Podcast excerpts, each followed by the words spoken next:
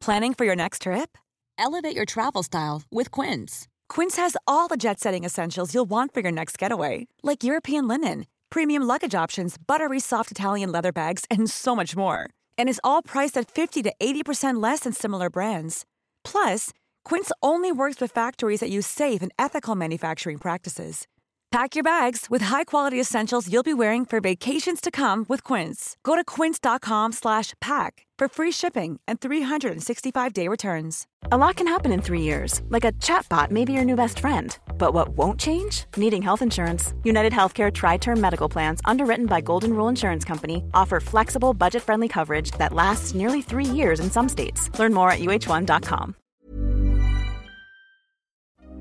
I dybden på ukas nyhetssaker. Men ikke så dypt, da. Bare helt i overflaten. Hashtag nyhetene. Jeg tror vi må legge ned podkasten, Kristoffer.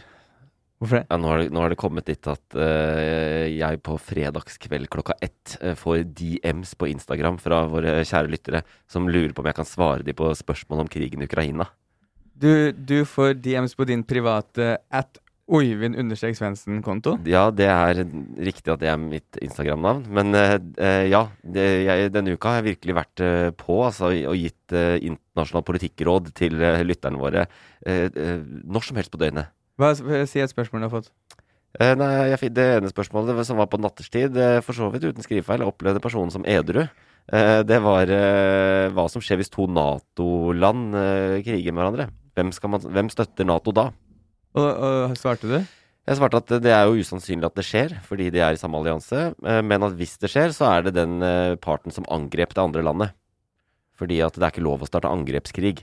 Akkurat sånn som eh, Ukraina, nei, Russland har gjort mot Ukraina. Så hvis det hvis, eh, Si at Storbritannia invaderer Norge, så eh, har de på en måte brutt Nato-pakten. Og da har Nato ansvar for å eh, hjelpe Norge og ikke Storbritannia. Men si at Norge har drevet og provosert litt da, over lang tid. Ja, da blir, det, da blir det mer komplisert. Ikke sant? Så det, er ikke, det er ikke så enkelt svar. Nei, Så du, hvis, hvis du fikk svar du som eh, på Instagram, så er svaret mer komplisert enn Øyvind har uh, gitt ut, uttrykk for på DM. Svarene er alltid mer komplisert enn jeg gir uttrykk for. Og hvis flere lurer på noe, kan dere sende inn til at Oyvind understrek Svendsen på Instagram. Og Mm. hvorfor har du understrek? Uh, jeg vet ikke helt. Jeg er ikke så god på dette SoMe-gamet. For det er en konto etter Øyvind Svendsen, Er det det? Fins det nå? med, med bilde av deg. Er det sant? Ja. Har jeg to stykker? Ja ja, der kan du se. Eh, det, Men det er det med understrek. Hvis dere lurer på noe, send det dit. Ja, det er med understrek. Eh, send det dit eh, innenfor eh, rimelig arbeidstid. Åtte til fire. Eh, nei, men du, det, det, det er hyggelig, altså. Jeg hjelper gjerne lytterne våre hvis de lurer på sånne type ting. Men eh, veldig eh, nok en uke hvor det er veldig mye som skjer. Mm. Eh, så vi må ha en toppsak. Og det er en veldig sånn eh, symboltung uke i krigen i Ukraina. eh, og nye ting som dukker opp der. Så det, er, det skal vi innom i dag. Og så har jeg selvfølgelig quizen, hvor vi skal ta opp noen saker også som er jeg vil si, det er engasjerende saker denne uka. her Det er ting som, eh, som du gjerne følger med på. Hva, hva går, er, er det fortsatt kommentarer i kommentarfeltet vi skal etterpå? Det er det. Jeg har vært i dette uh, nydelige stedet som heter Kommentarfeltet, ja. Uh, det har jeg. Og så har jo du med noen bobler, regner jeg med. De viktige nyhetssakene som ikke folk har fått med seg. Det er, uh, det er noe med det. Så, så det er det det er. Men vi må ha med en gjest. Vi er jo best da, når vi slipper å være oss to. Eh, og ukas gjest skremmer meg faktisk litt. fordi eh, i motsetning til oss som sitter her og raljerer uke inn og uke inn om det ene og andre, så har hun her faktisk mange års erfaring som journalist. Både som programleder, reporter og produsent. Så med, eh, andre ord så er hun greie på innhold. og andre ting som vi ikke kan så mye om. F.eks. Vær varsom-plakaten. Som, som vi titt og ofte gir flatt faen i. Eh, ja, det er riktig. Eh, fordi vi ikke vet hva det står i den. Og de senere årene så har du også sett henne foran kamera i serien Casa Numme. Og hun er høyaktuell med podkasten eh, Opptur med Anette og Ingeborg, der de gledelig deler små og store oppturer med lytterne sine. Eh, veldig spent på om den opplevelsen her i dag kommer med i den podkasten, men vi, vi går all in og satser hardt på det. Men viktigst av alt, i hvert fall for oss, så er hun i nær familie med vår kjære Magnus Unge Nyheter Numme, som eh, har gitt oss så mye glede her i podkasten det siste året, men som jo må vokse til han også har flaksa ut av hjemmet for å, for å finne seg sjæl der ute i voksenlivet. Men da tar vi gjerne med mora hans, vi. Anette Numme. Walter Numme, eh, velkommen til Hashtag Nyhetene. Tusen takk. Å, for en introduksjon! Ja, den var lang. Ja, lang og fin, syns ja, jeg. Jeg ble nesten litt rørt. Ja. Ja. Tusen takk for det, og takk for at jeg fikk komme. Er jeg den eldste gjesten? Nå skal vi ikke snakke mye om alder, for det er dritkjedelig. Men har dere hatt eldre gjester her? Jeg vet ikke. Litt usikker. Jeg har aldri spurt om alder, men ehm, du, er, du er av de eldre. Ja, for det er har aldri hatt Jan Eggum eller Jan Jan Eggum, Eggum skal neste uke. Jan Eggum nekter å komme. ja. Eh, nei, jeg vet ikke. Nei, jeg ikke har, så som den, eh, som den uh, gentleman her, så har jeg ikke sjekka hvor gammel du er. Så jeg aner ikke det. Forholder meg ikke til det. Nei, vet du hva? Nei. Det setter jeg stor pris på. Ja. Men, Men Vær varsom-plakaten, jeg bare tulla i stad. Jeg forholder meg til den. Du, det, vet du, det er litt artig at dere nevnte akkurat den, for jeg kommer rett fra et etikkseminar på jobben. Er det sant? ja, og vi har lært mye om uh, Vær varsom-plakaten. Ja. Ja. Fordi du er podkastprosent Ja, det i. Plan B. Helt riktig. Og dere er faktisk i deres podkaster er dere er liksom opptatt av det? Ja, vi er det. Ja. Um, Plan B ønsker å ta et eh, redaktøransvar, selv om ikke vi er pålagt å gjøre det. Nettopp. For Mm. det er poenget. Dere er jo ikke egentlig Disse podkastene hvor alle sitter og snakker, det er jo egentlig ikke underlagt eh, Vær varsom-plakaten. Sånn er det. Nei, det er helt riktig. I hvert fall ikke underholdningspodcaster som Nei. vi driver med. Mm. Uh, Hvis, hvis man er journalist i en podkast, da må man forholde seg til det. Eller? Uh, Eller følger det ikke en Jo, men, men det tror jeg du gjør. Du følger magefølelsen din som journalist uansett, egentlig. Ja. Så hvis du tenker at noe kanskje kan krenke noen eller bli feil, eller så tar du det vekk, eller Mm. redigerer det bort. Ja, vårt forhold til det er når- hvis vi har sagt noe dumt og skjønner det etterpå, så sier vi 'oi, det skulle vi ikke sagt', og så går vi videre. til hverandre? Ja, til hverandre. ja. Ja. Så det, det er ikke helt bra. Ja, men det er alltid gull å være to, for at hvis, en, eh, hvis den andre tenker at nå er han på jordet, Ja. så er det jo bare å si det. ja. Nå tror jeg du tar feil, eller nå ja, man kan hente hverandre inn sånn. Ja, ikke sant? Det gjør vi jo innimellom. Det gjør vi Det er ofte. opplegg. Ja. Mm. Faktasjekker meg og sånn. Og, Ja. og setter meg på plass. Ja, og, og det skjer veldig ofte. ja. Det skjer veldig ofte. Men du vet at eh, vi vet jo veldig godt hva sønnen din Magnus eh, bryr seg om. Fordi Ja. han har vært her i et år med Unge nyheter. Hvordan nyheter er det du følger med på? Du, altså, jeg har faktisk gått så langt, jeg. eh, At jeg har Jeg ble litt inspirert av, av sønnen min. Ja, Men jeg tenkte å gå motsatt vei. okay. Så jeg laga en aldri så liten jingle til dere. Er det uh, Ja, sp Spennende. Spill av det, Vi Eivind. spiller av den. Hei, hei! Har dere lest dagens papirutgave av Aftenposten, da? Jeg er veldig glad i Skallamenn, jeg. Jeg syns dere er flinke, jeg, gutter. Dette er Godt voksne nyheter med Anette Numme. Ja. Den var helt uh, nydelig. Hva, jeg vil ikke si at den jeg, jeg har ikke lyst til å si mot Magnus at den var, eh, at den var bedre, men den, den, den eh, Du har i hvert fall tatt bort det elementet hvor du gjør narr av månen min, sånn som Magnus har gjort. Så Det, det det er det eh, Magnus mente i jingeren sin. Førstemann til månen, Øyvind. Ja, Jeg trodde trodde dere skulle ut på reise. Ja, det trodde du. Nei, men eh, ok. Ja. Så det er åpenbart vi skal ha et annet segment på det du bryr deg om. Nei, i og med at jeg er mora til Magnus, Ja. så eh, Vi er jo ikke kliss like. uh, heldigvis, egentlig. Nei. Da hadde jeg vært sånn ganske sånn krampaktig mor. Ja. Uh, så jeg er opptatt av litt andre ting. Så jeg har tatt med noen sånne Ikke konkrete saker, mer overskrifter over hva vi i 50 pluss uh, er opptatt av. Mhm. Og det er jo da pensjonssparing. Og det kommer, det kommer så tidlig, ja. Ja, det Ja. gjør det, ass. ja. Og det eh, Der har du og Øyvind noe til felles? Ja. Er jeg opptatt av det? Ja? Nei, ikke det. Hva mer er på lista? ja. Søvn, eller eh, da mer søvnløshet, Ja. kanskje. Hvordan få bedre Hvor leser man om det? Litt overalt, egentlig. Det er Ja. plussaker, føles det som. Ah, ja, det, ja, det er plussaker. Eh, så da bør du ha abonnement både her og der. Ja. Slanketips. Ja. Og spesielt nå, kanskje etter sommeren. Ja. Ja, så er det mye av det. Ja. Det er også på pluss, da. Ja der eh, er vi i 30-åra med også, i hvert fall noen av oss. på de. Men det er det som er interessant. Er det med på lista? Ja, men eh, rusproblematikk på videregående skoler, Ja. eh, og det er så enkelt som at uh, vår yngste datter, eller vår eneste datter, har begynt på videregående nå. Ja.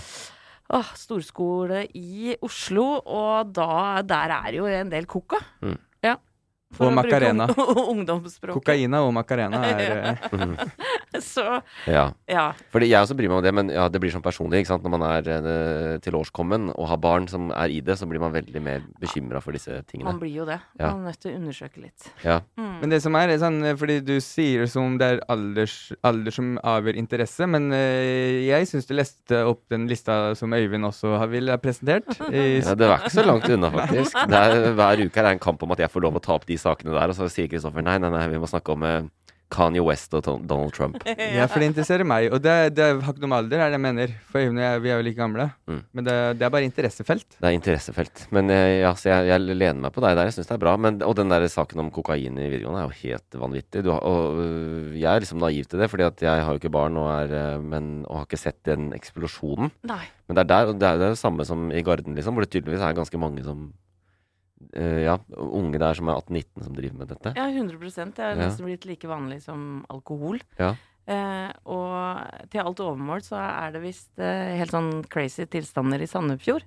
Og der har vi selvfølgelig Jeg har to nieser som Ja. bor der. Så det er liksom Oslo og Sandefjord som er verstingene. Ja. Visstnok. Ja. Men jeg får håpe at våre unger er såpass kloke at de holder seg unna. Ja, jeg trodde, du var opptatt, jeg jeg trodde du var opptatt av det fordi du lurte på hvor du skulle få tak i det. Hvordan kan jeg hjelpe til Du, best mulig? Vet du hva, jeg ble faktisk tilbudt coca på, på Hva heter det? Ute på byen i går. Ja. Kom med noen venninner. Tilårskomne venninner. Hadde spist en bedre middag. Så kommer en kar Som man på gjør når man er litt eldre og har Ja, øh, større lommebok. Ja.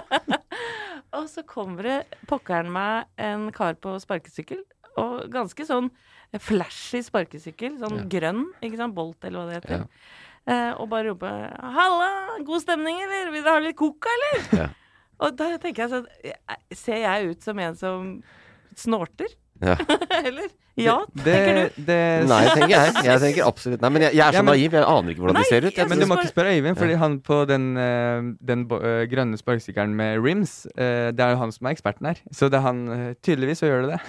Å ja. det skjønte ikke. Det er, det er han som selger. Han vet jo hvem han spør. Ja. Så Ja. hvis du lurer Ja, på om du ser ut som en som snorter, så er svaret ja. Men for han spør vel ikke helt sånn randoms, vil jeg tro? Det ser seg kanskje ut nå, men ellers så Ja. Det er jo ganske Det er litt av vår tid. De, står liksom ikke bare lenger under Vaterlandsbrua og bare «Ja, You want cocaine? You Nei, want nei, cocaine?» nei. Nå er det liksom Jeg vil ha coke! Ja, han ropte ut. Ja, sånn Jeg skal blitt. innrømme en ting, at jeg har det utseendet som en som snorter, eller mye annet. Helt og i, når, i sånn det, er- det, er, det her er grunnen til at jeg vet at de vet hvem de spør. Fordi uansett hvor jeg er, uansett når på døgnet Jeg kan gå gjennom kjøpesenter på dagtid, jeg kan sitte i parken med kjæresten min, og eh, jeg kan sitte, og så er det en som står og nikker til meg. Ja. Bare Heroin? Heroin? øyekontakt, nikker til meg. Vi har gått tur med hunden vår i et nabolag på kveldstid i Freistad. Ja. Kommer bort, ja, hva skal du ha? Det er ikke, det er ikke å spørre om om jeg skal ha noe. Hva skal du ha? Jeg opplever det hele tiden. Men moralen er jo at du tar ingenting, selvfølgelig. Du Nei. ikke det Og det er, eh, og det er ikke eh, ljug heller. Jeg, tar, jeg, jeg drikker mye alkohol, men jeg rører ingenting annet. Jeg har ikke, inter eller, jeg, jeg har ikke interesse av det. Men blir de sure da? For at jeg, jeg har opplevd en gang på stranda i Marokko. Da lå jeg der sammen med kjæresten min. Dette er back in the days. Mm. Jeg tror jeg var 17-18 år. Eh, og så sovner han, og så kommer det en fyr og så skal han selge meg hasjis. Ja. Og var sånn 'Do you want some hashish?' Mm. Eh, no, sier jeg først, veldig høflig. Eh, oh, are you sure? Do you want uh, some hashish?' Nei, nei, nei. Og så blir jeg mer og mer irritert, så sier jeg sånn No, no! I don't want uh, your stuff, liksom. Og så sier han sånn Well, what do you want then? A big salami up in your pussy? Og da følte jeg meg at jeg, blei jo helt sånn Det må jo være en av de to. Et slags overgrep. Ja. Og vekte kjæresten min. Han fikk ikke med seg en dritt, selvfølgelig. Nei. Men da følte jeg meg litt trua, så jeg vet ikke om eh, de Men hva svarte du på deg. det? Eh, No, thank you. Så det var ikke enten eller? Nei, det var ikke det. Antakeligvis en uh, fyr med et veldig uh, dyp forståelse for men hvordan mennesker fungerer, fungerer. Ja. Kvinner vil enten ha uh, hasjis eller a big salami up their pussy. Ja. Skjønner du, eller? Ja, det er ikke bra. Nei, nei, nei. Nei, det er ikke meningen å le av det hvis det som et overgrep. Nei, nei, nei, men, altså. Jeg, jeg drar litt langt. ja, Han gikk etter det, da, men det var litt ubehagelig. ja, jeg skjønner det. Jeg, jeg skal innrømme, bare før vi går videre, jeg har aldri fått det spørsmålet når jeg svarer nei.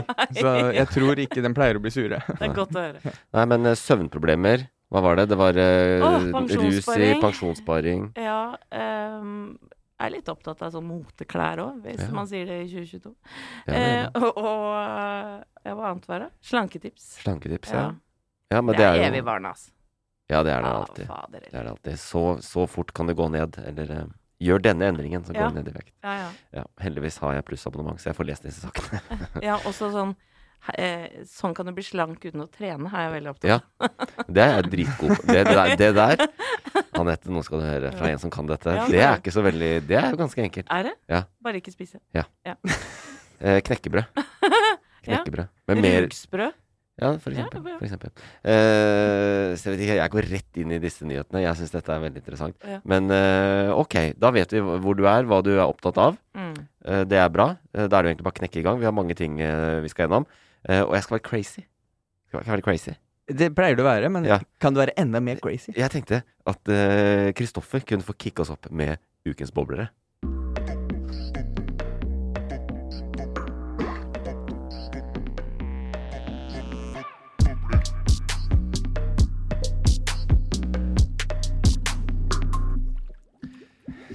Ja.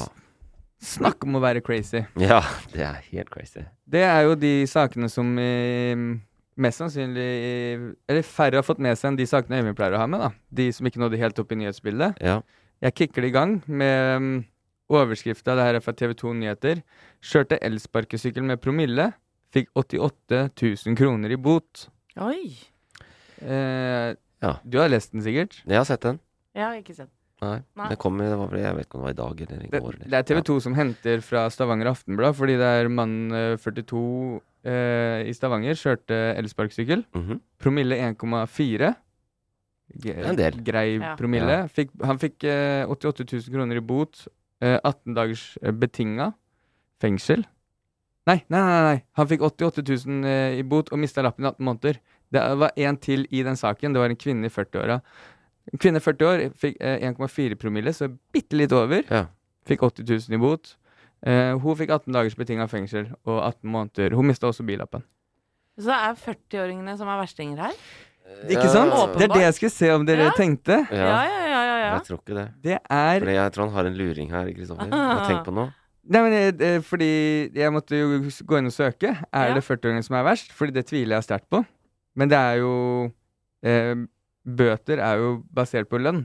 Så det er rett og slett eh, mediene som vil hente få størst klikksaker. Så de som får 80 000 i bot, de har antakeligvis veldig høy inntekt. Ja, Mens uh, en 21 år gammel student hadde fått 1600 i bot. ja, ikke sant. Mm. Litt rettferdighet eh, skal det Det er være jo her litt i om, omfordeling i, eh, i bo, botesystemet. Men er det sånn derre Er det sånn åttetallslek? 18 Ja. dager, 18 dager, 80 000, 88 000. Det er helt sikkert bare dommeren som ikke er så kreativ når han skal gi eh, dommen. Ja. Han bare kom jeg får bare gi et eller annet. For det er det er det som er. Det her er en helt ny regel. Ja. At du, når du kjører full på elsparkesykkel, så Ja. påvirker det billappen. Ja. At du mister den. Og det kom i juli. Det blir kjempestengt Og du må vel ha hjelm egentlig også. Du får kjempebot hvis ikke du har det. Men promille er det kjempestengt Hjelm er for de under 15.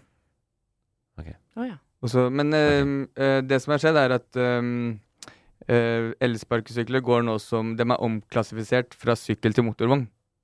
Og derfor så må man passe på, da. Ja. Og det her er jo også det som skjer når man setter inn nye regler, at man skal sette Man gir høy bot Ja. for å sette Hva heter det? Standarden? St ja, for å vise et, et eksempel. Et eksempel. Gjøre et ja. eksempel ut av noen. Ja. Jeg tenker at jeg åh, nå ønsker jeg ikke å være sånn moralsk eh, eh, overhode her, men jeg tenker at det er bra at de har stramma litt inn på de reglene, altså. Helt enig. 100 Ja.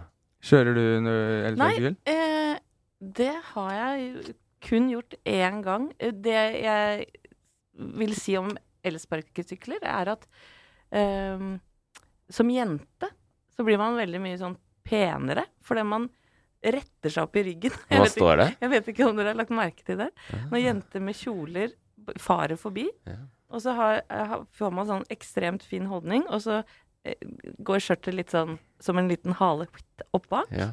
Og så flagrer håret. ja. Var det Ja. derfor du kjørte? Ja. Du følte deg litt Skulle gjøre sånn penere? inntrykk på noen. Ja. Neida, men jeg, jeg la merke til det sjøl. At Ja. jeg liksom stramma meg litt opp litt. Og For, den, for, for en uh, mann som er eh, 1,73 høy, så får man også, blir man også høy når man står på det. Så jeg jo føler meg litt sånn over verden. Ja, gjør du ikke Men Når jeg svever rundt på en sånn en. Jo, Ja. kjører du mye elsparkesykkel? eh, jeg har gjort det ganske mye, ja. Men ikke, jeg har kutta det litt ut. Men Anette, den ene gangen du kjørte, hva, hvor mye hadde du i promille? Eh, null komma niks. Du hadde null? Ja, vet du hva, jeg er faktisk Hvorfor jeg krasja litt med bil og, og sovna ved rattet og sånn. Så jeg har ekstremt uh, respekt for trafikken. Det skal sies. Du har sovna bak rattet? Ja, jeg har det. Hvordan gikk det? Um, det gikk heldigvis bra, men uh, jeg våkna ikke før jeg var på sykkelstien på andre siden av veien. Oi. Uh, og dette var en ganske trafikkert vei mellom eh, Tønsberg og Åsgårdstrand. Jeg hadde helt sinnssykt kjærlighetssorg hele Mm. den sommeren der.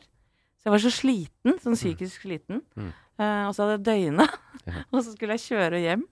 Eh, ikke drukket noe, altså. Nei. Og sovna. Altså sånn Rullegardina bare gikk al- Altså, jeg sovna dypt. Mm. Og kjører da Skeiner over i andre eh, kjørefil. Ned i en sykkelsti. Opp på sykkelstien våkna jeg. Og bilen til pappa ble ganske sånn skrapa etterpå. Eller hele Ja. forestillinga var helt skeiv. Men herregud, jeg overlevde det, og da blir man jo litt sånn Oh, praise the Lord! Nå må jeg bare ta meg sammen. Du har fått en ny sjanse. Jeg skal i hvert fall ikke kjøre meg i hjel på elsparkesykkel. Nei, Nei. Det skal jeg ikke. Nei, det er bra, det. Men jeg, jeg bare spørsmål til det med elsparkesykkel. Fordi eh, man fyllekjører med de. Eh, man mister lappen på bil. Ja. Nå, sånn er regelen nå, fordi det er motorvogn. Ja, Og for, forresten, da, elsykler er fortsatt klassifisert som sykler. er det sant? Eh, men eh, om man ikke har lappen og fyllekjører så, eh, på elscooter, så Ja. kan man få utsatt lappen på bil. Sånn at man ikke tror det er null konsekvens, da. Ok, jeg har ikke billappen uansett, Ja, på en måte. Eh, men om man mister lappen på bil fordi man fyllekjører på elscooter, betyr det at du ikke kan kjøre elscooter? Eller om man mister lappen fordi man fyllekjører på bil, eller de som ikke har lappen, men Skjønner du? Hvor, hvor det er det Er du, er du helt sikker på at ikke du tar noen rusmidler? Ja, for Ja, de- de jeg klarte de- ikke å følge resonnementet. De som ikke har lappen på uh, bil, da, Ja. de kan fortsatt kjøre elscooter. Så hvis du fyllekjører på elscooter og mister lappen på bil, kan du da ikke lenger kjøre elscooter? Uh, å, ja, godt spørsmål. Nei, det kan du, du kan sikkert kjøre elscooter uansett. Så hvis du mister lappen ved å kjøre bil, så kan du fortsatt kjøre elscooter.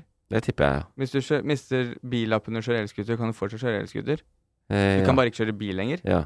Det er noen, smutt, det er noen Ja, ting noen som de må, de må svare på her. ja. Ja. Her må de rydde opp. Mm. Og så bare en siste interessante ting jeg, som ingen av dere hang dere opp i, men når jeg leste den saken her, da, er um, jeg, Vi var jo inne på det med at man tar lønn Du får bot basert på lønn. Ja. Eh, var det ingen som hørte at han mannen fikk 88 000, og hun kvinna fikk 80 000? Jo. Mm. Vel han mer nå, da? Da er vi inne på det igjen. Li vi tar likelønnsdebatten, er det Ja. Jo, men det, det dukker opp i den saken her. Ja, det gjør for så vidt det. Det gjør for så vidt. så mannen tjente bedre enn Ja. med noe da. Ja. ikke Det er- veldig mye mer, da.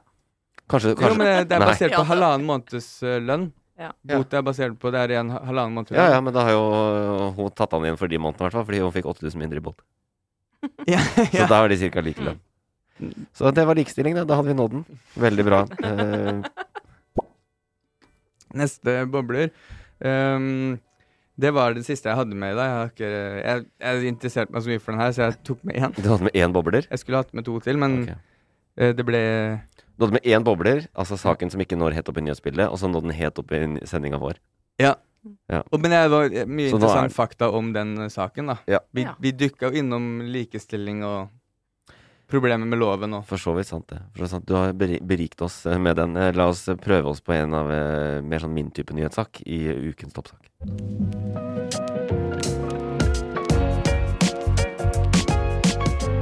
Ukas toppsak. Ikke fordi elsparkesykkelsaken ikke var viktig, altså. Det var bra. Ja. Jeg er glad for at du tok med den. Og det er litt moralisme i det òg. Ja. Folkens, tenk dere om. Ikke Mm. bare fordi det kan bli skada, men fordi det kan bli dyrt òg. Ja. Men eh, toppsaken, da tenkte jeg at vi måtte tilbake til uh, noe som selvfølgelig er like viktig og like alvorlig som det har vært hele tiden, nemlig krigen i Ukraina. Uh, og onsdag denne uka her så feira Ukraina sin uavhengighetsdag. Og hva er det de feira? Jo, fordi den 24. august 1991 så fikk det store landet i Øst-Europa sin uavhengighet fra den raskt kollapsede Sovjetunionen, som det het den gangen. I år så ble det jo feira mot et litt annet bakteppe, nemlig at det er også et halvt år siden Sovjet versjon 2.0, eh, altså Putins Russland, invaderte landet med mål om å ta fra det ukrainske folket nettopp sin uavhengighet, som de feirer den 24. august. Det har vært en litt spesiell uke i uh, Traff det på samme dag? Seks måneder og uh, Ja. Fordi invadert, Russland invaderte Ukraina 24. februar. Ja. Så det var på samme Oslo, Det var 28., men uh, ja, ok. Mm. Ja, 24. Jeg, jeg Nøyaktig tror deg på det. Ja. Men feire, sier du. Eh, festen blei vel avlyst? Ja, de feira ikke så veldig mye. De, og det, var, det ble satt ny rekord i luft... eh, altså bombealarm. Eh, så det var jo mye. Og så ble det også Ikke sant. Nå foregår krigen for det meste på frontlinjene i Øst-Ukraina der. Eh, men innimellom så tar dette skitne regimet der borte og fyrer noen langdistanseraketter og sikter på vanlige folk. Eh, og det gjorde de i, i går og da. Det var én rakett som traff en togstasjon uh, og drept 30 mennesker. Nå jeg tror to av de var barn, og dette er bare sivile, da. Litt lenger inn i Ukraina, på en måte. Mm. Og det har jo eh, Zelenskyj sa jo det. Ja, det er nasjonaldag, men hold dere hjemme. Fordi uh, vi regner med at Russland vil gjøre det de kan. De som ikke anerkjenner denne staten, de som vil at vi ikke skal være en stat, vil på en måte si fra om det på nasjonaldagen. Mm. Ja. Eh, jeg så de stilte ut eh, gamle tanks. Russiske tanks i Kyiv. Ja. Gjorde de ikke det? Jo, det er jo russere. Ja, de, eh, ukrainerne er jo helt rå på denne informasjonskrigen også. Også på liksom å frame seg selv. Og ja, det er riktig. De lagde en sånn militærparade. Sånn som russerne har jo alltid militærparade. Så lagde de en militærparade med nedbomba og ødelagte tankser som de har fanga. I tidlig krigen så var det veldig mye bilder av det. De tok disse tanksene, så taua de de bort med traktorer. Som viste hvordan Ukraina vant over Russland med traktorer. Og nå hadde de en sånn parade hvor de bare De sto bare stille i gatene, selvfølgelig, men det er som et slags eh, museum i Kiev hvor du kan gå og titte på det. Jeg var i Kiev for eh, Ja, rett Altså kvart på korona var jeg i Kiev. Ja. På jentetur. Ja. Av alle ting. Ja. Uh, for jeg har en uh, venninne som er uh, russer, mm. og som har mange slektninger i Ukraina, og Ja. ville gjerne ta oss med dit. Eh, og da var det jo stille og fredelig, og, og det slo meg hvor vestlig egentlig Mm. eh, Ukraina er. Eh, og sikkert har blitt, da. Ja. Um, uten at jeg vet så veldig mye mer om det. Men det var i hvert fall et uh, ekstremt sånn uh, raust og hyggelig folkeslag. Mm. Og det var en fin by. Eh, så det er jo helt absurd hva som foregår der nå. Det er det. Hun russiske venninna di bo, hun bodde i Russland, og så møttes dere i Kiev? Eh, nei, vet du hva, hun eh, var faktisk naboen min på, her på Nordstrand Altså, i hun er norsk Ja, hun, russer? hun, ja, hun Ja. kom til eh, Norge for 16-17 år siden. OK. Mm. Så Men det er jo eh, Det tror jeg mange ikke skjønner her i Norge. Ikke sant? Verden har blitt liten og sånn, men når denne krigen starta sånn, hvor langt liksom, Ukraina hadde kommet i å, etter Sovjetunionen, i å Mm. bygge opp en moderne stat et, og blitt et liksom, vestlig orientert folkeslag. Og det Kiev var vel Jeg har ikke vært der, men det var vel en liksom, sydende by, det, liksom, hvor det skjedde masse. Og, og hvor du ikke liksom du, Folk tenkte at det var østblokk. Nei, det opplevdes ikke sånn, selv Nei. om bygningene eh, Ja. selvfølgelig bar litt preg av det. Men, men eh, eh, jeg stripa faktisk håret mitt på en frisørsalong der.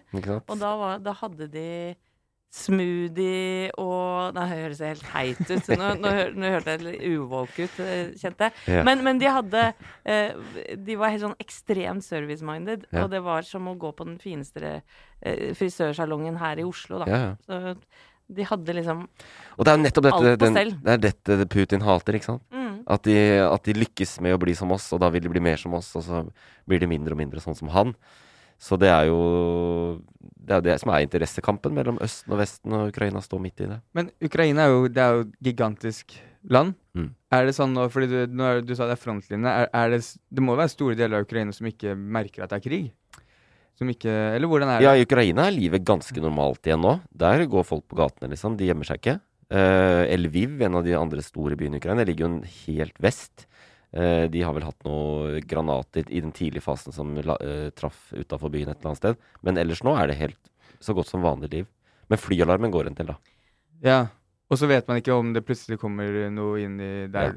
Ja. for, ja, for var- jeg så noen film på Snapchat en uke her med noen byer som feira dagen. Eller var ute på strendene og ved bassengen og sånn. Ja. Og så plutselig ser du bare at det blir bomba rett rundt de. Eh, ja, de bildene har ikke jeg sett. Du blander ikke med den der på Krim, da var Ukraina angrep Krim. Jo, det var det. Ja, Det snakka vi om forrige uke. vet du. mm. Ok. Men det er greit. Så, men det, bare for Ja. å si det, forrige uke jeg fulgte ikke med. Nei, jeg følte ikke med det. Ja, og fortsatt. Du, du, du ruser deg virkelig ikke. Men Øyvind, Ja. eh, hva tenker du om Zelenskyjs eh, lederstil? Eh, hans lederstil er jo Jeg vil si den er eh, på en måte har vært upåklagelig. Mm. Seks måneder ut i krigen så har de fortsatt full? Noe av det vanskeligste i krig er å mobilisere folk til å ville, til å gidde å kjempe. På russisk side ser vi jo mange som liksom forsvinner. De, får, de, de, de rømmer, rett og slett. Mm. Uh, de vil ikke være med på dette. Men i Ukraina er det jo full mobilisering fortsatt. Det viktigste han gjorde, var å ikke dra. Han har vært i Kiev Mm. hele tiden. Kunne fort pakka sakene og gjemt seg i en- en bunker eller noe, men altså, Putin har Russland har så godt som visst hele tiden nøyaktig hvor han er, fordi han ikke har prøvd å gjemme seg. Mens ikke sant, sagt at eh, jeg står sammen med eh, det ukrainske folket. Mm. Vi skal vinne denne krigen. Og det sier de jo fortsatt. Mm. Så jeg syns hans stil er veldig god, jeg. Ja. Så bra. Ja. Det var det jeg håpa du skulle svare. Hva syns du? Nei, jeg har tenkt akkurat det samme. Mm. Eh, jeg, jeg så et bilde av han og kona nå. eh, og da tenkte jeg sånn OK, du kan se sliten ut av å jobbe mye, men uh, krig, Mm. det gjør jeg litt uh, dratt i ansiktet. Ja. Det er en ganske annen Eller et annet par vi så for eh, syv Ja. måneder siden. Ja, altså, ikke sant, en, eh, som president i fred Og dette er jo litt hvordan du spiller opp, og Ukraina vinner jo den informasjonskrigen veldig her i, i Fordi de er så flinke til å Mm.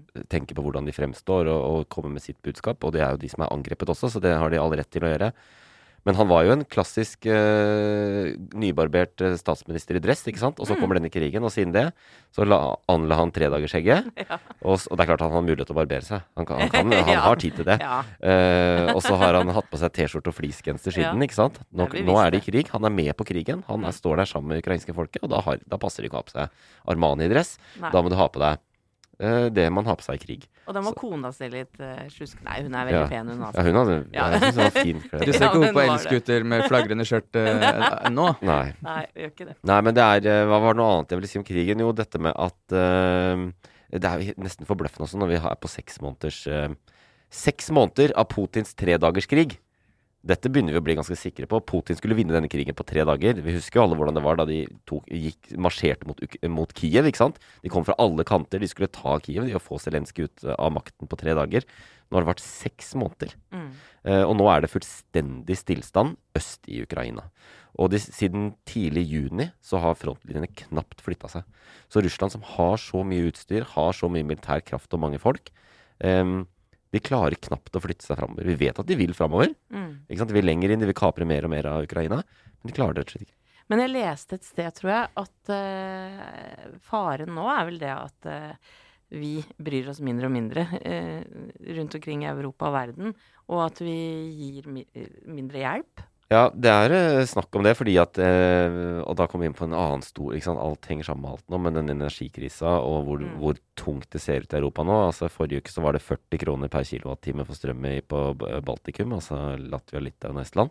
Og vi klager på våre seks kroner, som vi er oppe i denne rekorduka her. Som, vi har vært i Som vi får igjen på som vi får igjen mesteparten av. Mm. Så, og det er høye priser i hele Europa. Og det gjør jo Vi ser jo debatten i Norge òg. Mange liksom vil kutte forsyninger. At, at det kan gå utover solidariteten vår med hverandre i Europa. Eh, når det er sagt, så vil jeg si at det fortsatt er stort fokus og stor støtte på å hjelpe Ukraina. Og Norge er jo en av de landene som gir aller, aller mest både økonomisk og militær støtte til Ukraina. Det, det er vi ikke så flinke til å si, Nei, det kanskje. meg å høre. Og, det klart, ja, og vi kunne hatt en debatt om det. Det er sikkert noen som vil si at nei, det burde vi ikke. Men vi har ikke den debatten i det hele tatt. Vi bare gjør det. Men du har liksom eh, Storbritannia, USA eh, Jeg lurer på Ja, Polen er foran oss. Men det er noen sånne store land. Og så er det oss. Mm. Så Norge har gitt veldig, veldig mye støtte. Og kommer til å fortsette med det, tror jeg. Mm. Eh, vi har jo også veldig mye penger. Vi tjener jo veldig mye penger på, på denne krigen. Fordi vi selger olje og gass. Det skulle Så- bare mangle. ja, Kan vi ikke si det? Det skulle bare mangle at vi gir litt til tid at vi gir det, ja. Ja. Ja, ja, det, jeg syns absolutt det. At vi må Men de, hjelpe vi, de. vet, kommer det fram om mye, mye våpen og de tinga der nå? Eh, vi hadde siste nyhetssaken. Ikke sant? Dette, når det ikke er så, vi, vi vet at de har fått en del sånne eh, antiluftvernsystemer som heter NASAM, som er et norsk system som vi gir via USA, fordi USA kjøper de av oss også. Eh, så det har vi gitt. Og så er denne uka her så så det komme en ny sånn drone, sånn minidrone. Ja, Ja, den bitte lille. Bitte Ja, den var liten. Å, herregud. Ja, den skal vi også være med å kjøpe inn, da. Vepsen. Det er litt Eh, kult. For 90 millioner. Jeg vil tro det er mange droner. Men Fordi de er så små.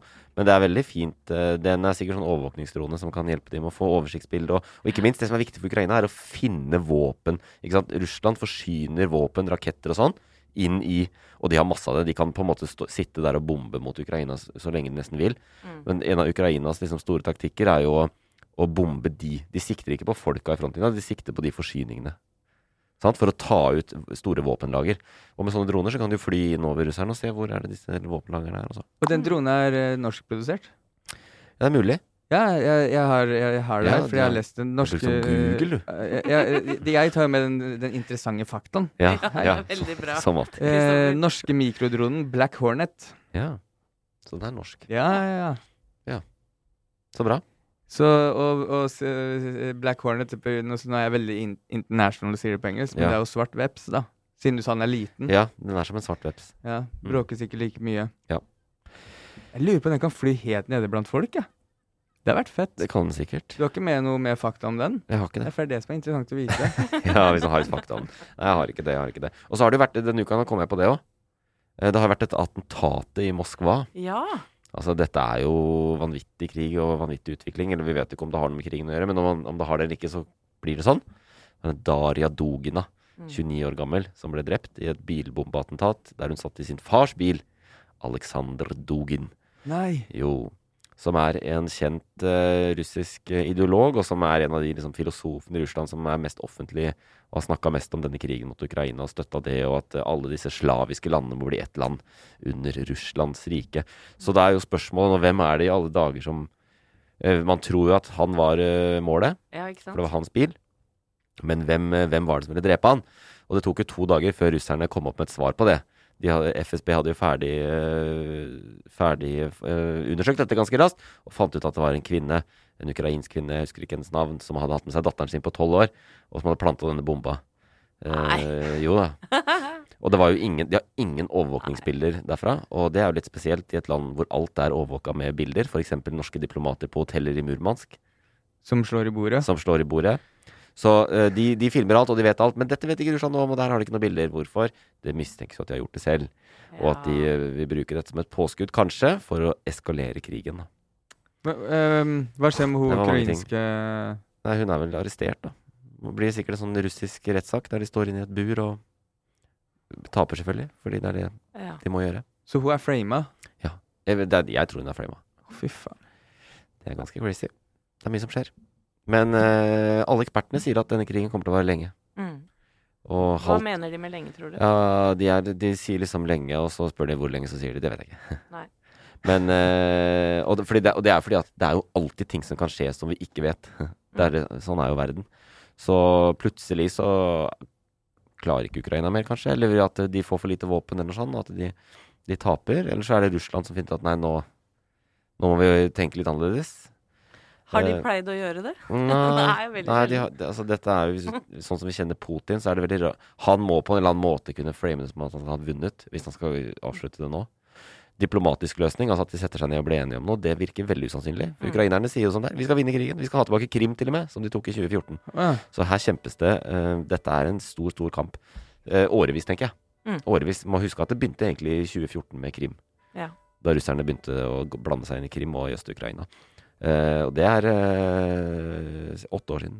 Hvis du skulle være spåmann, eh, Øyvind, Mm. hvem tror du vinner? Ingen av dem. Nei. ja, det er diplomatisk svar. Nei, på en måte ikke. Altså, Dem måte diplomatisk begge Hvis det var udiplomatisk svar, så håper jeg at Ukraina knuser Russland så hardt at det regimet faller. Mm. Så Putin, og at Putin dør eh, i offentlig åsyn eh, av stress når han skjønner at han taper krigen. Smertefull død. Ja. Ja. Og det sier du noen minutter etter at du sa at det fins bilder av alt som skjer som er imot Russland. ja, vi filmer det jo selv, vi. De kan godt, jeg kan sende det Det skal slettes! Ja, nei, det, det bekymrer meg ikke i det hele tatt. Men uh, det har vært en litt sånn rar uh, uke, syns jeg. da Med, med liksom uavhengighetsdagen og, og eh, Samtidig med at det er et halvt år siden. Så det passer på en måte å gå ut av dette med disse kirkeklokkene i bakgrunnen atter en gang. Fordi det er, det er noe høytidelig over det. I, i all eh, elendigheten, rett og slett. Så uh, vi setter punktum der for ukens toppsak. Ja. Gjør vi ikke det? Og ja, det er greit å være oppdatert på det, for jeg trykker meg ikke inn på de sakene lenger. Ikke sant? Og det er også et problem som du var inne på, at eh, solidariteten forsvinner. Så gjør det litt innimellom da, Kristoffer. Ja, jeg skal Ja. selvfølgelig. Jeg skal, jeg, skal også komme, jeg skal minne deg på at dette fortsatt skjer, og at det er veldig viktig, og at det påvirker oss alle her i Europa. Nå skal vi ha konkurranse. Vinneren tar alt. Hvis vinneren tar alt? Ja, den gjør Ja, det. vinneren får ingenting, men den tar alt.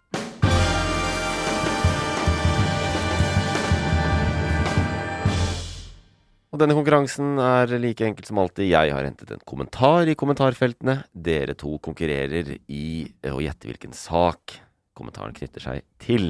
Og det er eh, hint saker fra ukas nyhetsbilde. Uka som har gått. eh, Jeg har hentet dette fra. Og vi kan jo like så godt starte med Ellen Fredelig. Ellen Fredelig har kommentert. Det er er fint navn etter vi har snakka om krigen. Mm. Ikke sant? Hun er for fred. Ja. Ja, bra, Kristoffer. Eh, dette er hennes kommentar. This Mother's Day, celebrate the extraordinary women in your life with a heartfelt gift from Blue Nile. Whether it's for your mom, a mother figure, or yourself as a mom, find that perfect piece to express your love and appreciation. Explore Blue Nile's exquisite pearls and mesmerizing gemstones that she's sure to love. Enjoy fast shipping options like guaranteed free shipping and returns. Make this Mother's Day unforgettable with a piece from Blue Nile. Right now, get up to 50% off at BlueNile.com. That's BlueNile.com. Hey, I'm Ryan Reynolds. Recently, I asked Mint Mobile's legal team if big wireless companies are allowed to raise prices due to inflation. They said yes. And then when I asked if raising prices technically violates those onerous two year contracts, they said, What the f are you talking about, you insane Hollywood ass? F- So to recap, we're cutting the price of Mint Unlimited from $30 a month to just $15 a month. Give it a try at mintmobile.com slash switch. $45 upfront for three months plus taxes and fees. Promo rate for new customers for limited time. Unlimited more than 40 gigabytes per month. Slows. Full terms at mintmobile.com. Even when we're on a budget, we still deserve nice things. Quince is a place to scoop up stunning high-end goods for 50 to 80% less than similar brands. They have buttery soft cashmere sweaters starting at $50, luxurious Italian leather bags, and so much more. Plus, Quince only works with factories that use safe, ethical, and responsible manufacturing. Get the high-end goods you'll love without the high price tag with Quince. Go to quince.com slash style for free shipping and 365-day returns. Everyone knows therapy is great for solving problems, but getting therapy has its own problems too, like finding the right therapist, fitting into their schedule, and of course, the cost. Well, BetterHelp can solve those problems. It's totally online and built around your schedule. It's surprisingly affordable too. Connect with a credentialed therapist by phone, video, or online chat, all from the comfort of your home. Visit betterhelp.com to learn more and save 10% on your first month. That's BetterHelp, H E L P. Fullt forståelig. Folk sparer der de kan nå. Og om de allerede betaler medlemskap, så skjønner jeg godt at de nå bruker alle fasiliteter. Da men jeg må ha noe, noe hint. Nei. Bør, den være enkel? Det er for tidlig med hint. Er den, Oi, jeg bruker alle fasiliteter. Eh, jeg aner ikke hvilken konkret sak dette er, nei, men handler det noe om Det handler sikkert noe om at det er så dyrt med strøm. Det kan jo hende. Det kan hende. Ja. Er det, eh, folk har slutta å gå på Sats, liksom? har folk slutta å gå på Sats nå? nei, Jeg veit ikke. Nei, Nei, ikke Er det- jeg heller. Folk, Nei, nå folk rømmer fra Netflix. Ja, men jeg, jeg, det Nei, Du er, gjør ikke en dårlig figur heller. men, eh, Nei. Les den en gang til. Fullt forståelig. Folk sparer der de kan nå. Og om de allerede betaler medlemskap, så skjønner jeg godt at de nå bruker alle fasiliteter. Ja. Har folk begynt å trene ute istedenfor uh, inne på helsestudio? Fordi de Det er- skal spare penger? Det er på en måte eh, Det er på en måte eh, Det motsatte. ja, Det er riktig, men motsatt. Ja, er, Ja, og de, er det det? de, de går og spiser gratis mat. Nei, ok, jeg kan si det. Dette er saken som rulla opp nå om at treningssentrene, som du var inne på, Ja. De uh, sukker tungt. Fordi alle medlemmene deres, de trener ikke ute, de trener på treningssenteret. Gjør de det? Og så dusjer de skikkelig lenge. Åh, er det det de gjør? Ja. Sleipingene? De dusjer, og treningssentrene merker jo nå veldig at uh, de, dusjer mye mer. Ikke sant? Før så var det sånn Jeg er ferdig å trene, jeg orker ikke den der uh, klamme dusjen der. Jeg stikker hjem Nei. og dusjer.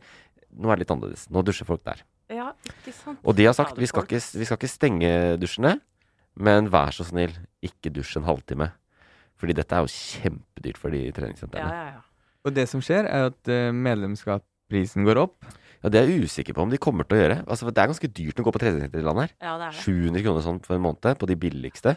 Og da å skulle sette opp, da mister de kanskje kundene. Det er bedre å betale strømregning. Jeg vet ikke.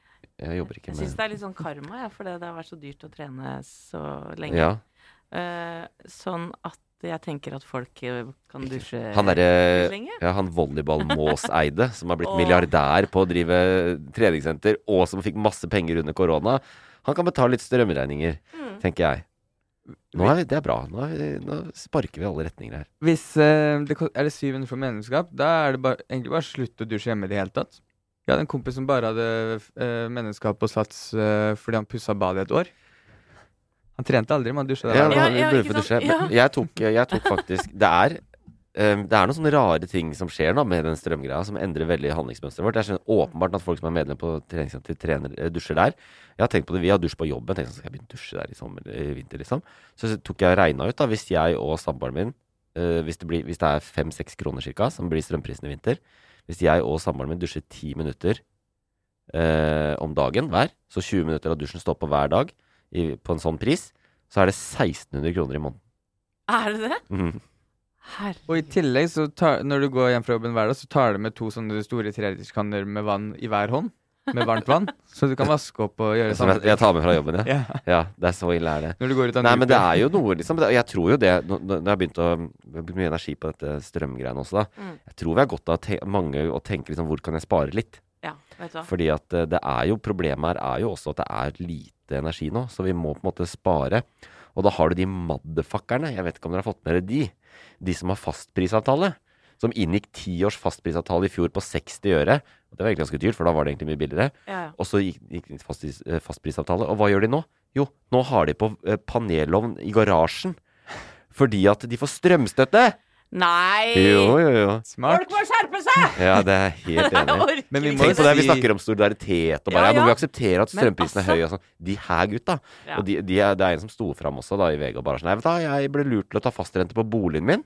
øh, og da det, var, det, det har jeg tapt på. Nå skal jeg tjene på dette. Fordi du kan jo, ikke sant Ja, jeg ser den. Så han har jo Ja. Og den, det som er problemet, er at den strømstøtta, ikke sant, den uh, vet ikke hva folk, åssen strømavtale folk har. Så den driter i om du betaler full pris for strøm, eller om du har en fastpris som er lavere. Så det er et, et smutthull som Ja. gjør at de kan tjene De får liksom 5000 kroner i måneden for å bruke strøm, når vi har lite strøm. Men hva, hva tenker vi om sånne folk, dere? Jeg tenker, det første jeg tenker, er eh, eh, Jeg må bli kjent med noen, sånn at jeg kan trekke noen skjøtekabler. Eh, hjelpe de litt. Ja, du er en sånn, du. Jeg hadde, f- jeg, jeg, jeg, hadde ikke vært en sånn, men eh, jeg, jeg har full forståelse. Ja, hva tenker du? Mener du det? Jeg, jeg tenker på den type mennesker akkurat som jeg tenker på gjerrige folk. Ja, det er jo det de er. Ja, ja ikke sant? Ja. 100 Ja. Og gjerrige folk, de Jeg har én saying. Ligger ikke med gjerrige folk.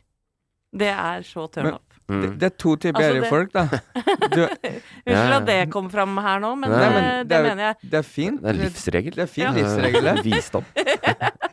Vi lærer. Ja. Det, det er de som er gjerrige mot andre, eller de som er gjerrige mot seg selv. Ikke Ja, sant? ja. Og de som er gjerrige mot andre, er de, du, de som er gjerrige mot seg selv, ja. men er Jo, jo. veldig gavmilde mot andre. Ja, for jeg mener jo at gjerrige folk, Mm. de, de er ikke rause i senga heller, vet du. Nei. Nei. Holder igjen. Ja. Det er koblinga. Eller de er bare Jo, men det er sikkert noe i det. Men de er bare opptatt av seg sjøl. Ja. Jeg er jo samme- eh, samboer med en sunnmøring, så jeg bør ikke legge ut om hvordan de De er de, Fra Ålesund, eller? eh, Ulsteinvik. Ja. Ja, så, Ja, hvordan er det, ja? Veldig gjerrig. Svømmer innover. Veldig gjerrig. Eller sånn. Ja, ja. Ja, Så grabber til seg. Nei. Eh, Unnskyld, avsporing der. Nei, men det altså. er veldig Jeg heller liker ikke de. Jeg tenker ikke sant, jeg, jeg, skjønner, jeg tror nok at eh, hvis jeg hadde hatt sånn fastpris selv, så hadde jeg nok ikke vært så veldig tenkt å spare og sånn. Jeg Nei. hadde kanskje vært så flink til å spare, men jeg hadde i hvert fall ikke brukt Nei, bare for å nei, bruke. nei, nei. Og det styggeste her er jo klima. Det er, det, man, Ja. det er jo mye større enn penger i det, oppi bildet her. Ja, ja.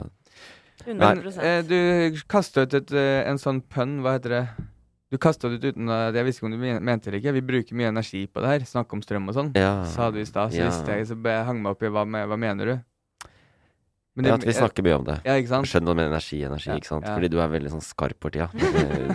Du plukker Ja, men jeg visste ikke om du mente det eller ikke. Ja, nei, det gjorde ikke det. Okay. Gjorde ikke det. Da hadde jeg nok uh, sagt det på en mer smøgg måte, sånn at du Ja, hadde skjønt at jeg var fornøyd med min egen. Ja, okay. Jeg gjorde ikke det. det. Jeg sier at det er 0-0, men hvis det blir tiebreak, så får du poeng, Anette. Fordi Ja. du var så nære. Det var jævlig bra. Ja, Neste kommentar, da. Neste sak er fra Ronny Martin Vatne. Og Ronny Martin, han har skrevet følgende Aldri hørt den komboen før. Nei, er- det, det, er, det er der du finner det. Ja, i ja.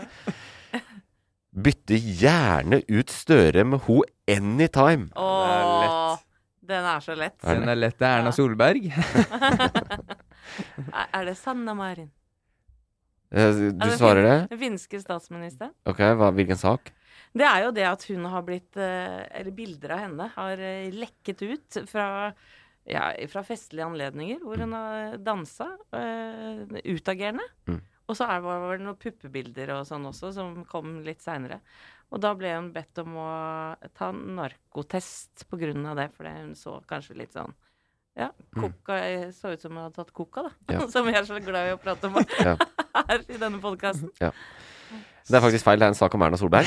Som eh, Er det? Nei, det er ikke det. Det er selvfølgelig helt Jeg gikk rett på. Nei, det er helt riktig sak. Helt riktig sak. Det er nettopp den saken der som, eh, det Finske Partygate. som alle nok har fått med seg. Mm. At uh, det kom ut noen bilder, ja. Du oppsummerte det godt. Det var først to bilder, eller filmer hvor hun dansa, og så Mm. kom det et bilde etterpå Ja. uh, av to venninner av henne inne på uh, statsministerens kontor. Uh, I bar og kropp, hvor de holdt dette Finland-skiltet som liksom står foran statsministeren når hun prater. Og og de kyssa altså. Ja, og hun er jo så sykt pen.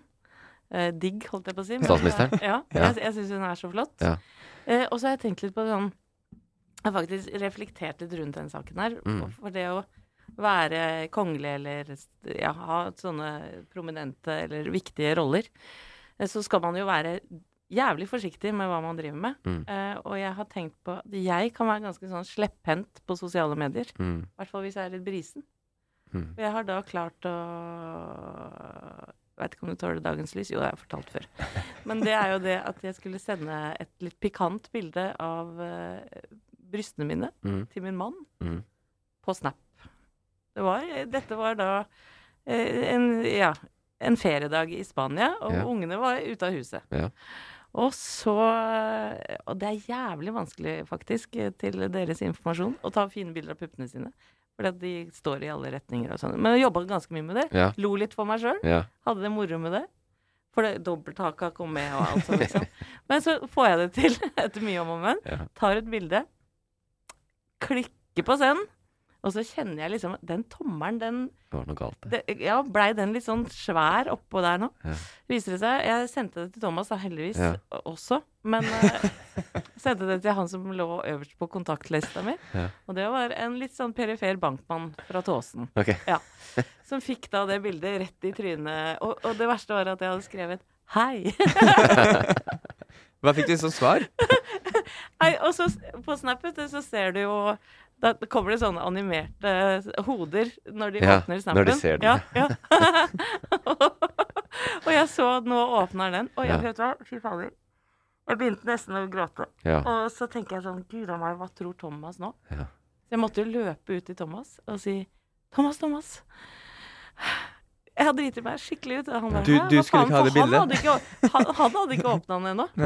Ja. For det var, det, var, det var han du sendte feil til. Thomas, ikke åpne Ja, er ja, men til ikke, deg. han kunne jo fort tro det, da. Og så sier jeg sånn, fy faen. Jeg har sett bilde av puppene mine til Atle. Ja. Oi, eh, ja. Kan eh, kanskje klippe bort Atle, men ja, samme det. Men, eh, men det Vi var kaller han altså Atle. Ja. men i hvert fall, han bare å, fy faen, nei, jeg orker ikke å tenke på det. Han det- bare sa, jeg bare sa, du, unnskyld der du er, hvor enn du er i verden, denne var ment for mine manns øyne. Mm. Jeg beklager. Mm. Og så var den litt sånn Det var jo bare koselig, det. Eller et eller annet jævlig kleint. Sto det noe om eh, screenshot eh, på den Nei, heldigvis. Eh, heldigvis. Atle tok et screenshot. Uff a meg, nå ble jeg veldig Det er varmt her inne. Men det er jo en, det, er jo en lærdom her i den eh, Og det er jo, ikke sant jeg, eh, Det har vært, kommet litt kampanje for hun Sanna Marin nå, etter dette at hun er 36 år, hun er statsminister. Ja, men hun har fri, hun også. Mm. Og hun må lov, lov å ta seg en fest og alt det der. Eh, men men hvis, jeg skal hvis jeg skal begynne i den kritiske enden Når du er statsminister, Ja. ta deg en fest. Ikke ha en Snap-gruppe hvor du filmer! Nei, ikke Det syns jeg var kritikkverdig. den, den første filmen som ble lagt ut, var en fotograf som var der som la ut på sin private Instagram-konto Ja, og den var med 70-80 følgere. Nei, de hadde, nei, jeg tror ikke det. Det var en sånn der, Hans? De hadde Det var laga det det sto i Aftenposten i hvert fall. Mm, Jeg trodde de hadde en sånn De som var festdeltakere, hadde en felles greie, og så var de enige om at det ikke skulle deles ting derfra og sånn. Og så la de ut masse ting der, ikke sant. Mm. Men ikke sant, det er no go. Ha det fett når du er Ja, statsminister, men ikke server kritikerne Men dine. gjestene sånn som var der, var kjente sånn Det var eh, de såkalte influensere. De lever av posting på sosiale medier. Ja. Så be dem om ikke poste ting på sosiale medier, da. Ja. Ja, ja. Og én ting er sosiale medier, men eh, statsministre må jo ta seg sammen. Sånn som Boris Johnson, Mm. eh, som jeg åpenbart nesten ikke klarer å si. Boris Johnson. Mm. Eks- Eks-statsminister i England som dreit seg ut under korona. Ja. Han klarte liksom ikke å ikke ha fest Nei. med mange Men, folk da. ja, det var jo sånn fordi han driter i vanlige folk. Så han bare lagde lover for vanlige folk, og så hadde han Mhm, fest selv. Mm. Men denne festen her, som jeg for så vidt Jeg nekter å kalle det partygate, fordi at dette, den festen Den er jeg 100 Jeg er sånn Slapp av, liksom. Mm. Selvfølgelig kan hun gjøre det. Nærmeste nabo til Russland, Ja. deler lang grense. Ja, ikke sant? Mye Ta å inn tenke det. på. Ja, Ja. ta inn det. Du burde ikke være på fest, du burde sitte på kontoret. Nei, jeg, nei, jeg du mener at- backer ja, fest. avkobler for Ja, hun ja. må koble av. Det er så finsk òg, når hun kom ut og beklaga. Ja. Sånn, eh, jeg kan ikke finsk, men jeg kan finsk-svensk, tror jeg. Mm. Vi hadde hatt en jettebra dag med i sauna, og så var vi på en fest efteråt. Altså, det er, det er så finsk. Og så begynte det- hun å gråte når hun Og så begynte hun å gråte. Ja. Og da fikk hun. Jeg applaus. Men det er eh, Ikke sant, vi fra i, i, i, ute i verden Vi er, bryr, bryr oss ikke om nasjonalpolitikk i Finland, så for oss er Finland Finland, og de har en statsminister som er ung og virker veldig flink, Mm. og hele Nato-greia og alt de greiene nå. Men i Finland så snakker jo politiske kommentatorer om at dette er kan tape valget for henne. Og valget er i Fordi at folk syns det var litt Og særlig det derre to damer som kysser. Ja. Det er greit å ha en ung statsminister, men liksom eh, to halvnakne damer som kysser inn på statsministerens kontor, det er litt, litt over grensa, da. Ja, akkurat det er jeg litt uh, enig i. Ja, er det egentlig det? Jeg er ikke enig, ass. Eller det er bare Kanskje fordi det er inne på kontoret, men hva så? Hvis, hvis eh, det hadde dukka opp et bilde fra statsministerens kontor hvor eh, det hadde vært fest, hvor Støre var, og to eh, unge Ap-folk eller hva som helst, eller venner av Nei, han på hans alder, ikke sant? Greit, på hans to alder. menn på hans alder Greit, la oss kysser sånn. på hans kontor. Eh, tok eh, liksom eh, eh, sverdkamp med pikken.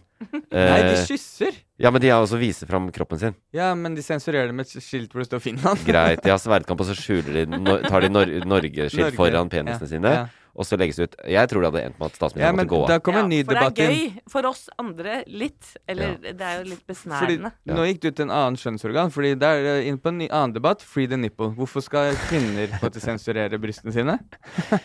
Ja, nå tråkker du inn i farlig farvann her, eh, doktor Svendsen. Eh, men, men du Jeg klarer ikke å respondere engang når du er så woke. Nei, og, og finnene er jo også kåra til eh, verdens lykkeligste folk. Ja. Det, ja. De har gått forbi oss. ja, de har faktisk det. For lenge siden. Så- Kanskje fordi de tar seg en fest, da. Ja, men det er jo akkurat det. Ja. Så jeg, jeg heier på Sanna. Ja, det, eh, sånn det gjør jeg. altså. Ja, det er jeg òg. Og ehm, snakker om henne. Jeg har blitt den som tar med de interessante faktaene inn i podkasten. ja. Er dere klare for litt fakta om statsministeren? Ja. Jeg er i hvert fall spent. Ja. Ja. Ehm, det er fra Wikipedia, fra den eh, engelske, så jeg bare la det rett inn i Google Translate, så nå får dere den på norsk. Ehm, statsministerens lønn er 12 173 euro.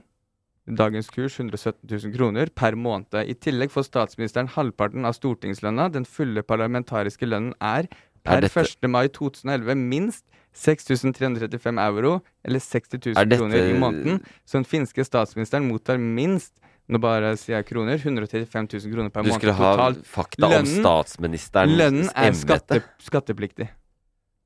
Lønnen er skattepliktig. 136 000 i måneden. Det, det er jo ikke om Sanna Marin du skulle ha om statsministeren i Finland. Ja, det stemmer. Ja, det er interessante faktaen. Og her kommer det en til. Det Hva syns ja. du om lønna? Litt, litt under norsk statsministerlønn. Det er det, ja. For den er ikke så høy.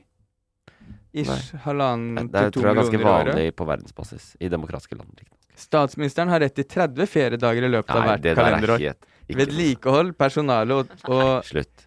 Um, For så vidt. Vent, da. Statsministerens for fordeler inkluderer ikke gratis måltider eller måltidsgodtgjørelse. Det gjør det i Norge. Gjør kanskje det. Men Også, de har bare 25 dager da, fri. Ikke 30. I Du, ikke mer sånn fakta som det Nei, var. Så snill. en, en siste fakta. Ok. Statsministeren her har egentlig sagt da, men statsministeren er 36 år. Ja. Får bursdag 16.11.1985. Å, der er skorpion. Snart Mm. burs skorpion. Ja, hun er uh, ung, faktisk. Var uh, verdens yngste statsminister noensinne da hun ble valgt. Verdens tynneste òg, kanskje. ja, det, antageligvis. antageligvis. Men nå er hun ikke Jeg må si hun er ikke det lenger. Det er, eh, det er to stykker som er, Nei. Det er to stykker som er yngre. Som har kommet. Det er statsministeren Chile og i Montenegro. Oi. Og de er menn. De er menn, ja. Så det er den yngste kvinnelige statsministeren. Ja. Det kunne du sagt. Istedenfor denne uh, Ja, helt uinteressante Du har av fin tjener. fakta å bringe til bordet, Ja, Øyvind. bare Har du hyggelig. noe mer? Jeg har, ikke- jeg har en kommentar til. Jeg, vi kan gå videre. Ja, ja. Eh, det er i hvert fall 1-0 til Anette. Ja, gratis. Eh, Ja. Kan jeg bare si ett spørsmål til? Mm. Eh, fordi det står at de er president også.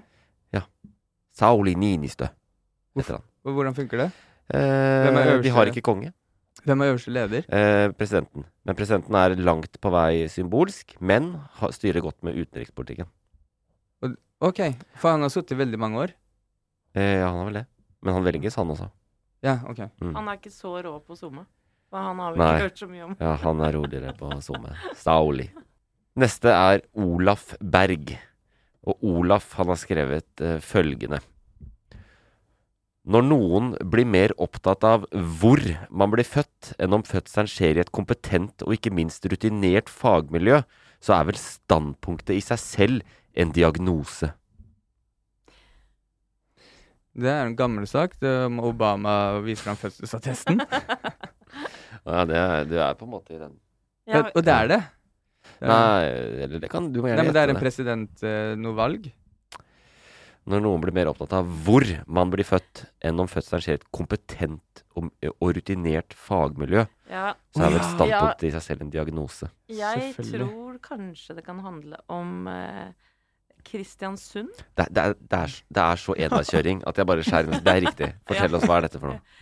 Det er eh, Jeg har ikke alle fakta der, men det er vel eh, noen kvinner eh, som kaller seg Bunadsgeriljaen Mm. eh, fra området Kristiansund, mm. som eh, har vært i harnisk over at ikke det finnes noe tilbud om å Eller det, det, er, det er ikke noe tilbud for fødende kvinner i Kristiansund. Eh, Stemmer det? Uh, ja, det er på en måte. Eller ikke helt, kanskje? På en måte. Jeg kan dra gjennom det. Ja, dra gjennom. Ja, det, er, altså, det som er saken nå det, det, er, eh, det ble vedtatt lagt ned fødetilbudet i Kristiansund. Mm. Eh, Det skulle være i Molde. Og det er fordi at det er sånn i hele Norge så legger de ned og sentraliserer for å få større fødeavdelinger og mer robuste fagmiljøer.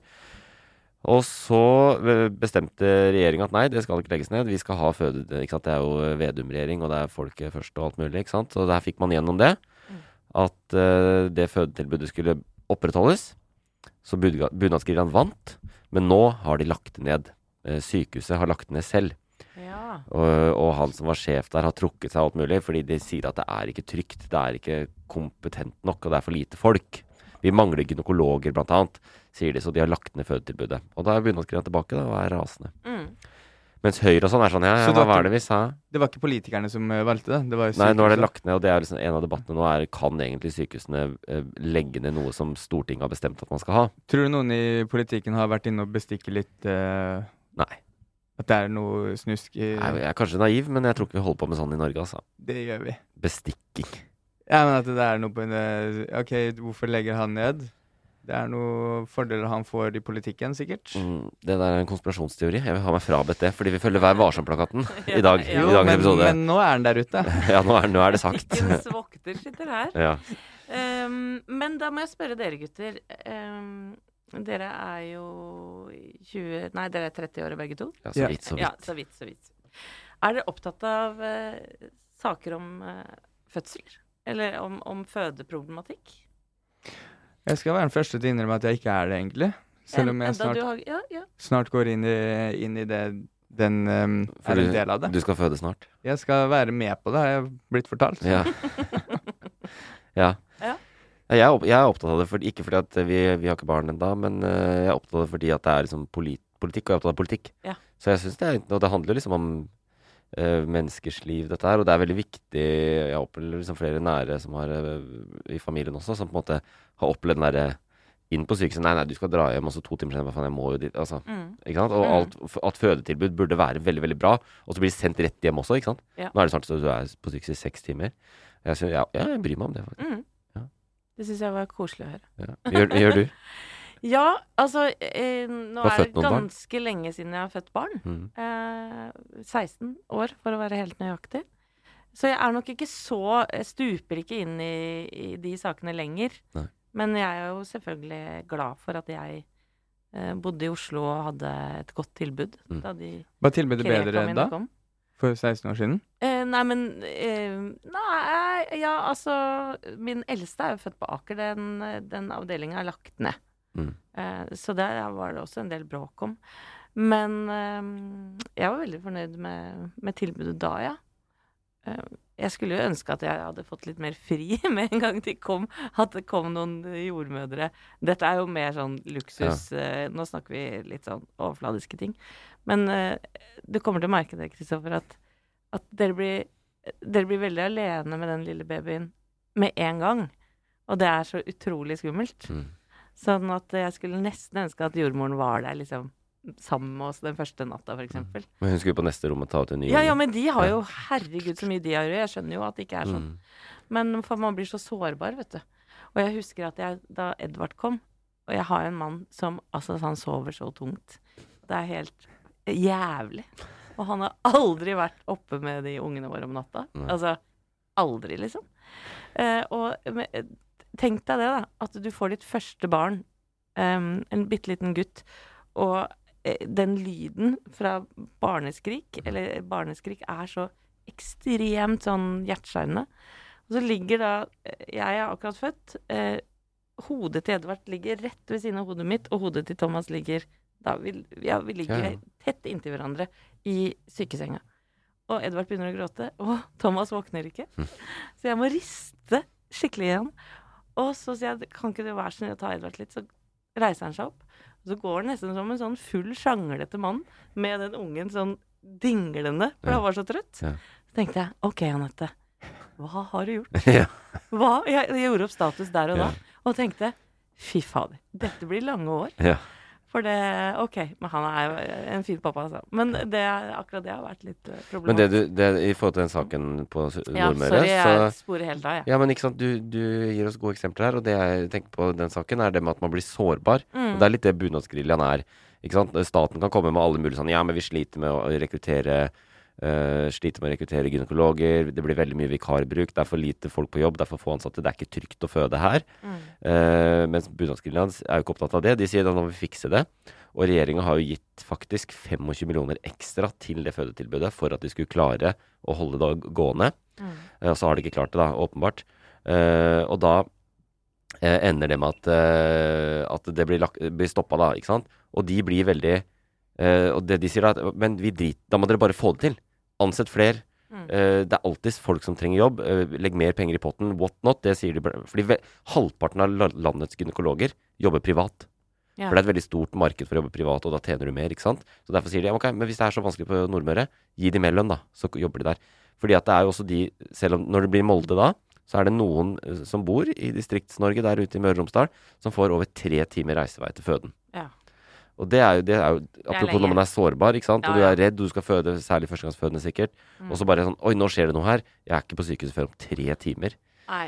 Og Tenk den angsten i de tre timene. Ja, ja, ja, og den kan jo komme fortere enn det òg, ja, plutselig sitter du her og kjenner Ja, ja. på hodet til ungen din Ja, mens du sitter i, i bilen og durer på Ikke i 70-sona på vinterføre opp mot Molde der. Så det er jo det er sånn kamp mellom e- effektivisering og distriktspolitikk, Mm. som vi ser på mange områder, da, men også her på føde. Og så må jeg si at jeg er såpass ynkelig anlagt og tåler smerte veldig dårlig. Mm. Sånn at hvis ikke det hadde vært anestesileger eh, til stede under min fødsel og gitt meg bedøvelse, så hadde, hadde jeg vært ganske kjørt. Men du er ydmyk òg, du har jo fått tre barn, har du ikke det? Jo da. Jo, så det skal du ha. Ja. Så du er ikke så veik. Jeg, jeg heier på Bunadsgeriljaen fordi jeg, jeg følger oss på Facebook. Ja. Får veldig mye oppdateringer Mm. hver dag. Ja. Uh, men jeg, bare for en, ikke, uten å sammenligne, men på en måte en sammenligning. En venn, Josef Hadoyan, komikeren, han eh, ble født på uh, stuegulvet hjemme i Marokko med, av tanta som tok han imot. Ja. Og brukte Ja, for han ble ikke født av tante. Nei. Nei, eh, det, det Nei. tror du var mora. Nei, jeg, jeg, jeg, kan være jeg blander her Ja, nå. av de. Men uh, mo- eh, tanta tok den imot og brukte um, uh, olivenolje Mm.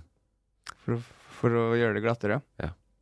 Så det, det Ja. finnes jo ting å sammenligne med. Ja, sånn, ja, og det er jo klart når de sier at ikke det er trygt på Kristiansund, så er det i forhold til en veldig veldig høy standard. Vi har jo en av verdens laveste barnedødelighetsrater. I Kongo så dør jo hvert tredje barn som blir født eller noe, ikke sant, innen to Mm. år.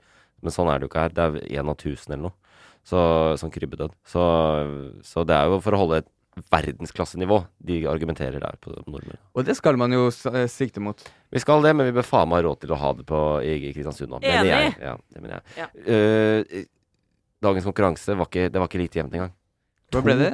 Det var 2-0 pluss den der tiebreakeren som du skulle få, for du hadde nesten rett på den første.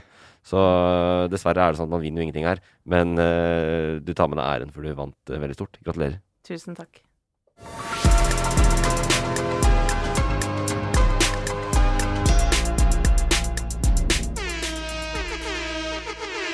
Og med det så var vi gjennom nyhetsbildet og de sakene som vi tenkte vi skulle dekke fra denne uka. De fleste av de. I hvert fall de viktigste. Hva syns du, Anette? Har Jeg har lært masse. Ja? Ja, det, det her syns jeg var skikkelig gøy å være med på. Var det, var det greit også for de som følger med på de eldre nyhetene? Ja, Ja. ja det tror jeg, altså. Fader, altså. Jeg, dere er jo mye smartere enn en podkasten min, holdt jeg på å si. Der er det bare vrøvl og, og fjas. Mens eh, her Her er det fa tunge fakta ut. og Tunge fakta, lette fakta.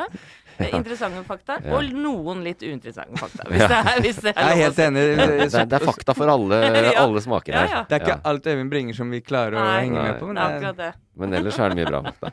Nei, men det er veldig bra. Det har vært en glede å ha deg med. Vi savner jo Magnus, din sønn, som eh, Ja. var våre unge nyheter. eh. Så egentlig veldig hyggelig å ha deg med. Både derfor, men fordi du også har vært en berikelse eh, for oss. Vi er jo eh, i fullt kjør, vi. Tilbake neste uke.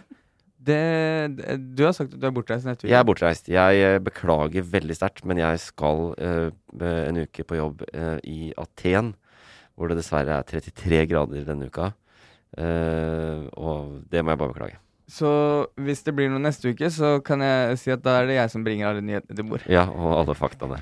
Da blir det deg. Uh, det har jeg ikke sagt heller. Vet dere hva? Nei. Dette var vår 50. episode. Oi. 50. episode.